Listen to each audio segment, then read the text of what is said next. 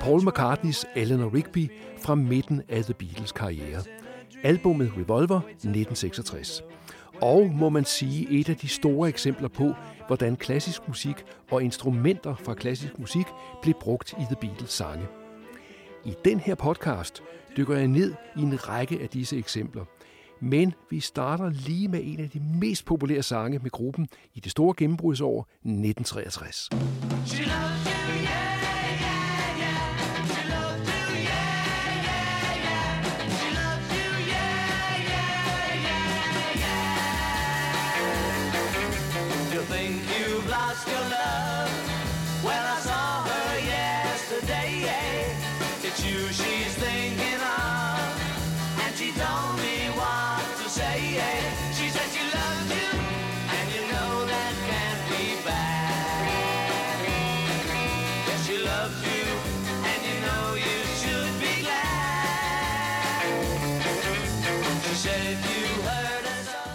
She Loves You, et af de store hit fra 1963. Lyden af tidlige Beatles. Deres fremragende vokaler, to guitarer, bas og trommer. Det var instrumenteringen på de fleste af deres sange i de tidlige år. Af og til også et klaver, som producer George Martin spillede. Men, men, men. Allerede på første LP, Please Please Me, stadig 63, er der en sang, hvor der optræder et instrument, der bruges i klassisk musik. Det er et øh, tangentinstrument, som hedder celeste. En celeste. Øh, en blød og også meget klar klang. Celesten bruges en sjælden gang imellem som udvidelse af symfoniorkestret. Nok mest kendt er komponisten Bela Bartoks værk, musik for strygere, slagtøj og celeste.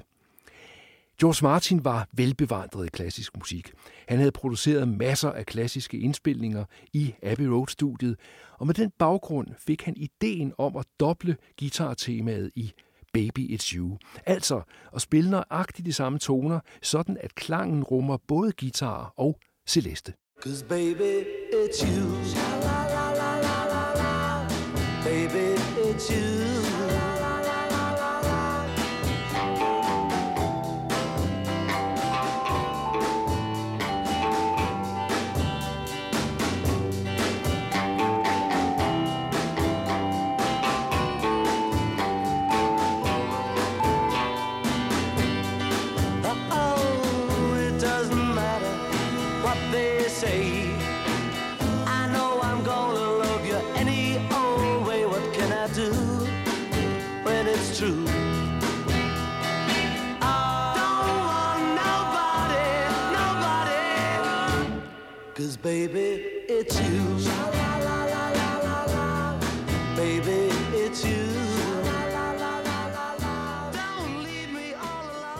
Eksempler på klassiske instrumenter i The Beatles musik finder vi allermest fra 1966 og frem.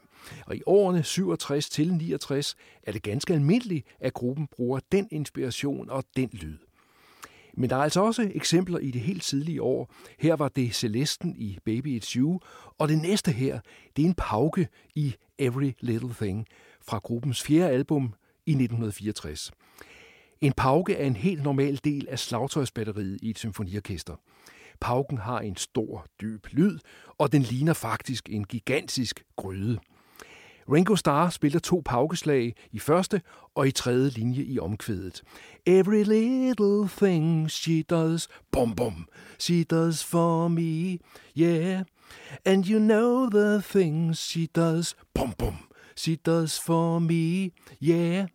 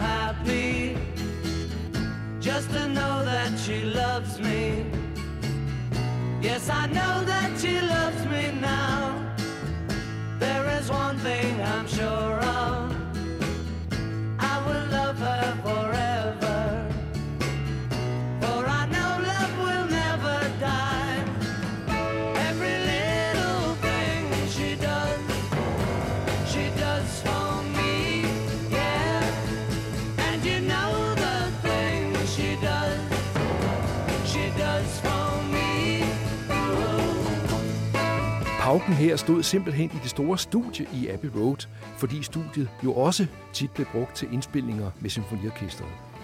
Og en violinist tager nok altid sit instrument med hjem fra indspilninger, men ham eller hende, der spiller pauke, gør nok ikke. Og nu kommer vi til det første store eksempel på inspiration fra klassisk musik hos The Beatles, og vi kommer til et vendepunkt. Paul McCartneys Yesterday fra LP'en Help.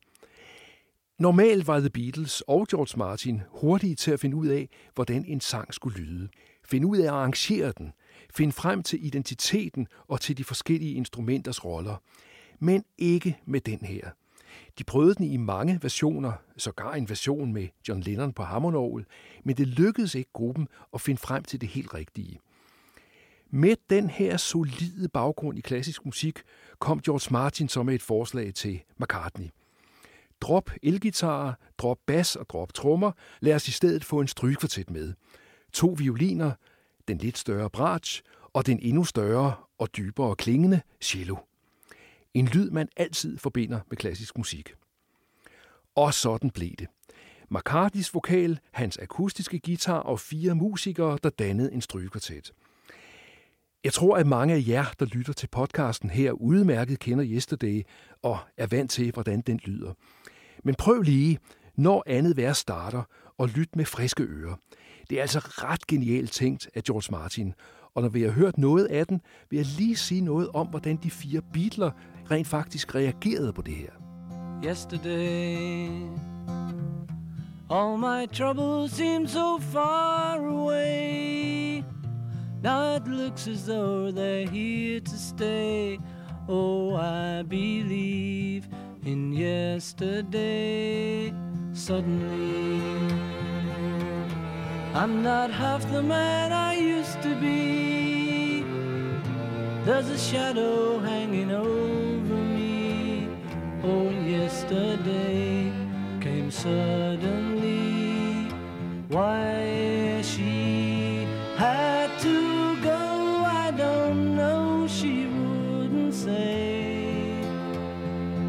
I said something wrong. Now I long for yesterday. Yesterday. Love was such an easy game to play. I need a place to hide away.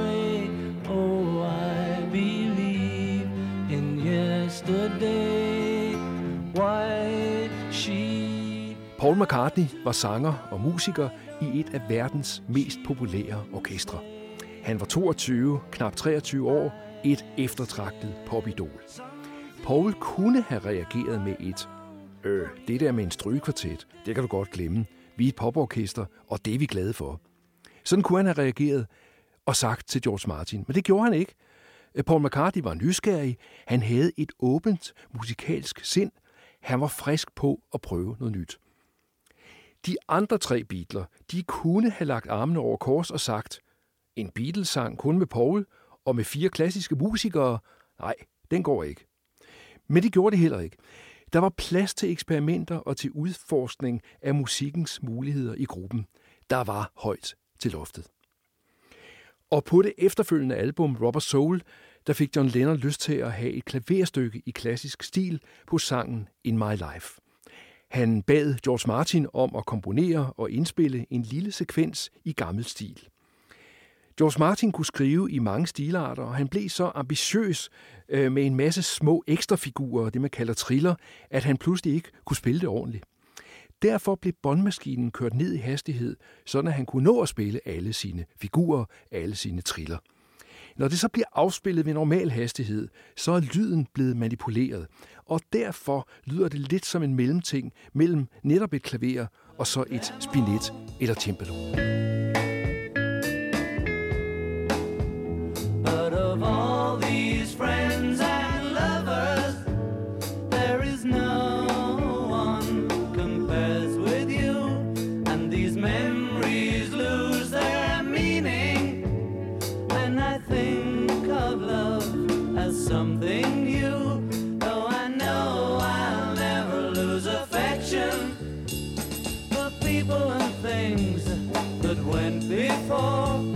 I know I'll often stop and think about them.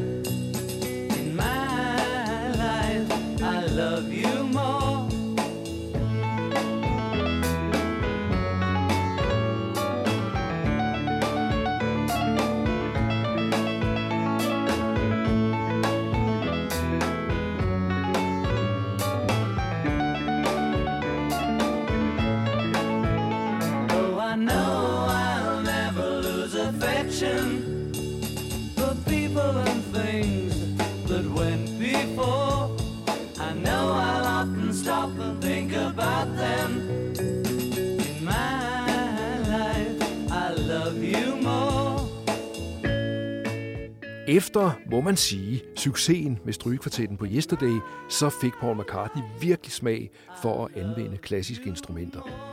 Og i årene frem var det meget ofte ham, der bragte lyden af klassisk musik ind i de Beatles-sange, han især stod for. Ikke kun ham, men ofte ham. Især på den sang, vi lige fik en smagsprøve fra i starten, den der hedder Eleanor Rigby. En sang om ensomme gamle mennesker. Ikke så almindeligt et emne i popmusik, men The Beatles var heller ikke almindelige. Og her var det McCartney, der selv bad George Martin om at lave et arrangement for hele otte strygere, altså en dobbelt strygekvartet. Og det er altså ikke bare lange og gentagende toner, der er tale om. Arrangementet er spændende, og idéerne udvikler sig fra vers til vers. Prøv at lytte rigtig godt bag om vokalen og ind i instrumenterne her. I look at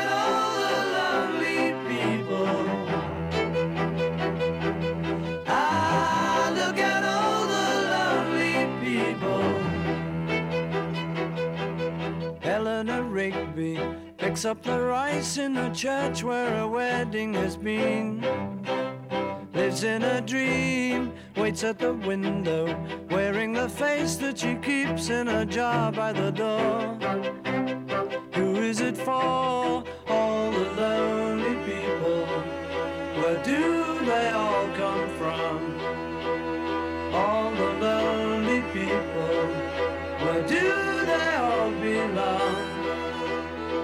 Father Mackenzie writing the words of a sermon that no one will hear.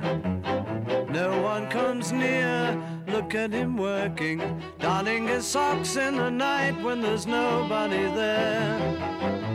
What does he care? All the lonely people. Where do they all come from? All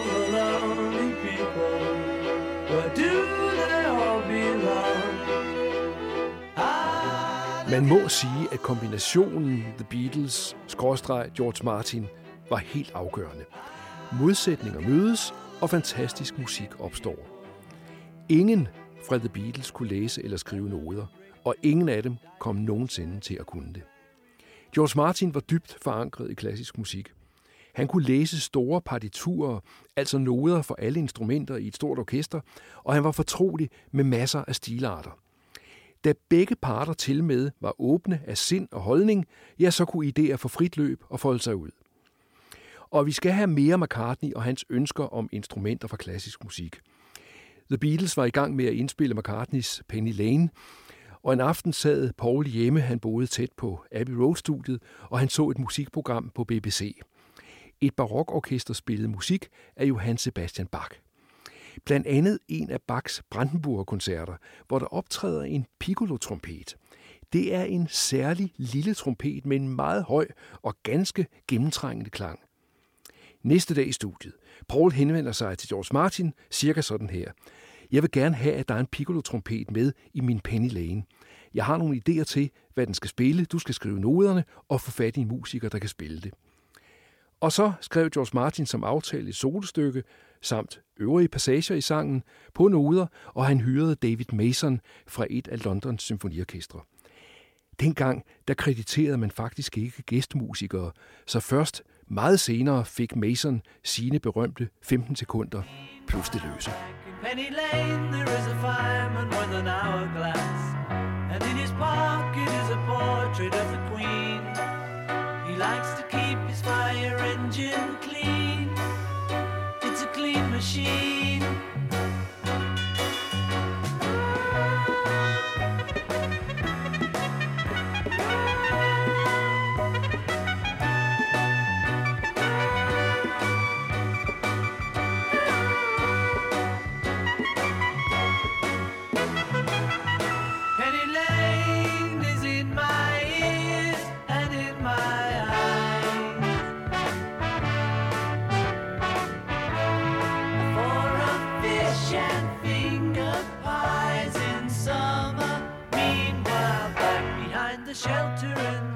På Sgt. Pepper-albummet fra 1967 er der flere eksempler på stor påvirkning fra klassisk musik. Allermest i den smukke og vemodige She's Leaving Home. Om en teenage-pige, der går hjemmefra, fordi hun er i opposition til sine forældre. Her var det igen McCartney, der gerne ville have klassiske instrumenter, og denne gang udelukkende klassiske instrumenter. Han bad, lettere utålmodigt, George Martin om hurtigt at lave et arrangement, så de kunne få det indspillet. Men George Martin svarede, at han ikke kunne de kommende dage. Han var optaget som producer for sangerinden Cilla Black. Det svar, det var Paul McCartney ikke helt tilfreds med. Han hyrede i stedet for Mike Leander til at arrangere for harpe og strygeinstrumenter. Det var George Martin skuffet over, men dog ikke mere skuffet, end at han dirigerede musikerne, da de indspillede She's Leaving Home. Med den her lyd, med de her akkorder og hele det musikalske setup, er vi her tættere på Franz Schubert end på Chuck Berry. Meget tættere.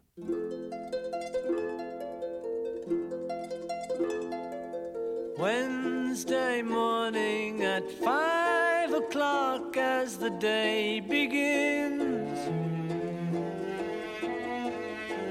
Silently closing her bedroom door, leaving the note that she hoped say more. She goes downstairs to the kitchen, clutching her handkerchief.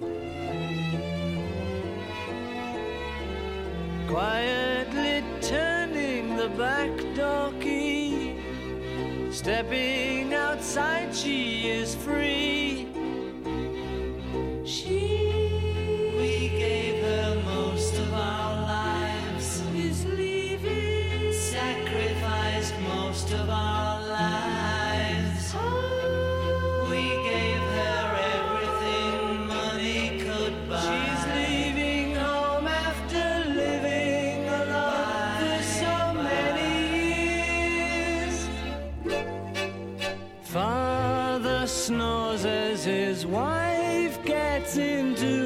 Dressing gown.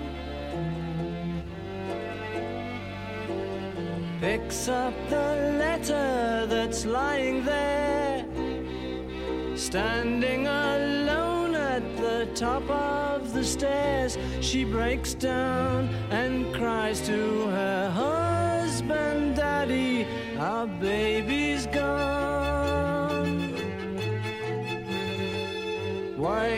she treat? us so thoughtlessly. How could she do this to me? She... Klassisk musik, ja, det behøver jo ikke udelukkende at være klassisk vestlig musik. Det kan jo også være klassisk musik fra andre steder i verden, for eksempel fra Indien. George Harrison var faldet fuldstændig for den indiske sitar. Han havde købt en, og han havde gået til spil hos Ravi Shankar. På Within You Without You er George den eneste fra The Beatles, der medvirker. Han spiller sitar og synger, og han spiller sammen med indiske musikere på deres instrumenter, blandt andet tambura og tabla, samt en række musikere på strygeinstrumenter. Vi er her ganske langt fra The Beatles udgangspunkt der i starten af 60'erne.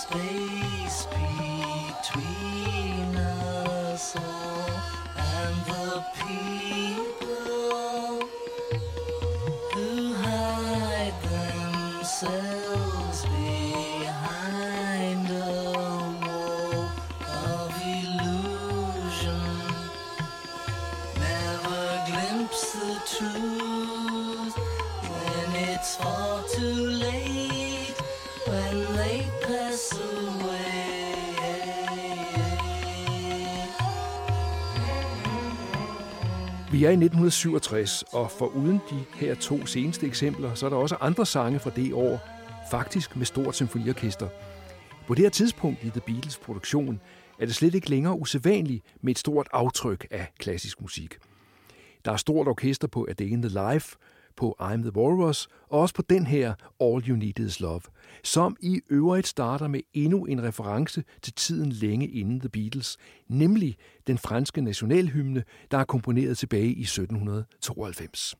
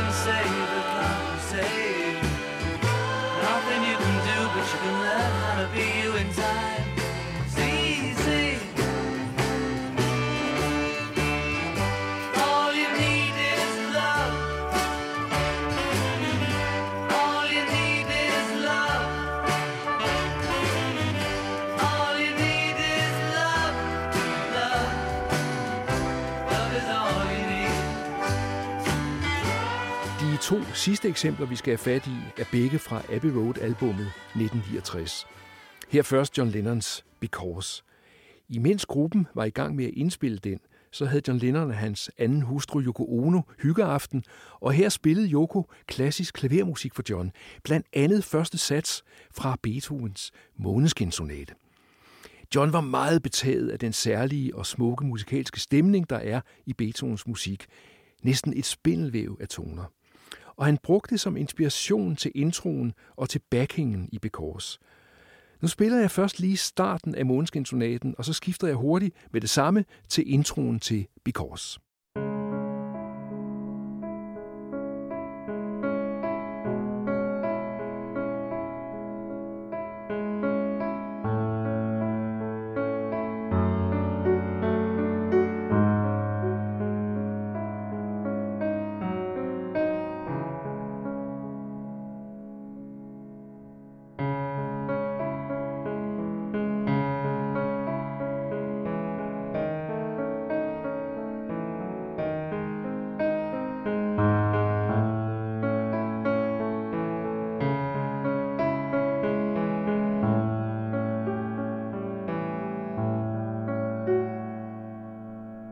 Det her, det er ikke kopiering eller teori.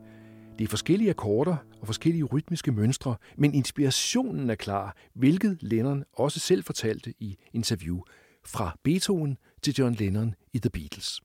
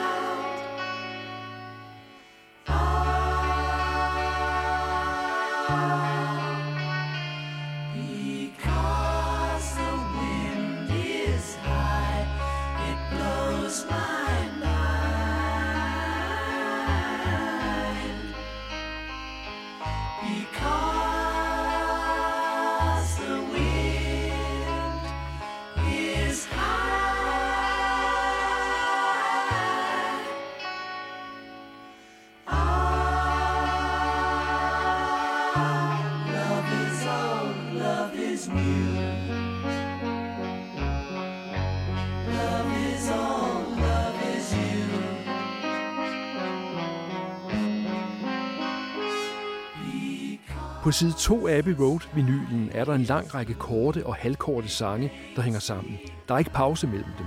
De går simpelthen over i hinanden, som i en klassisk svite.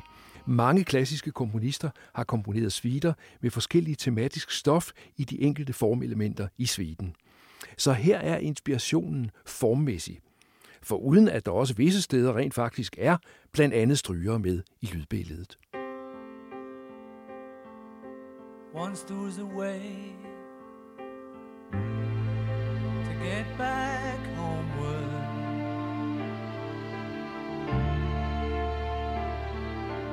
Once there was a way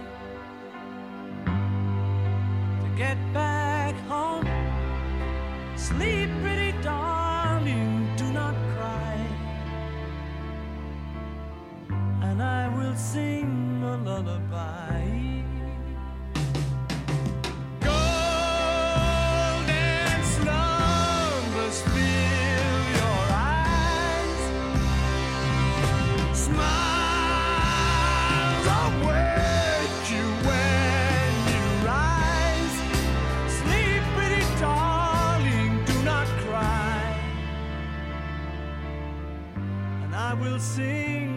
lullaby.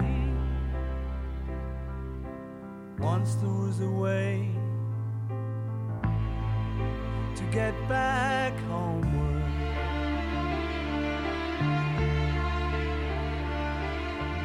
Once there was a way to get back home.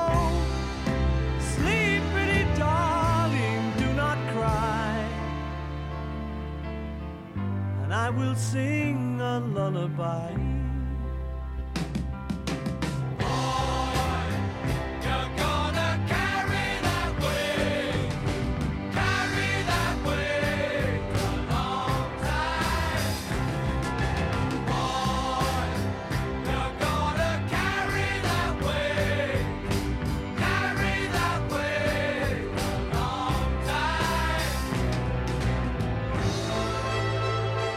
Tak fordi du lyttede med på podcasten om den klassiske musik hos The Beatles. Jeg hedder Per Vium, og det var mig, der præsenterede musikken. Og må jeg lige til allersidst gøre opmærksom på Facebook-siden Beatles for alle. Du er meget velkommen på den, altså Beatles for alle på Facebook.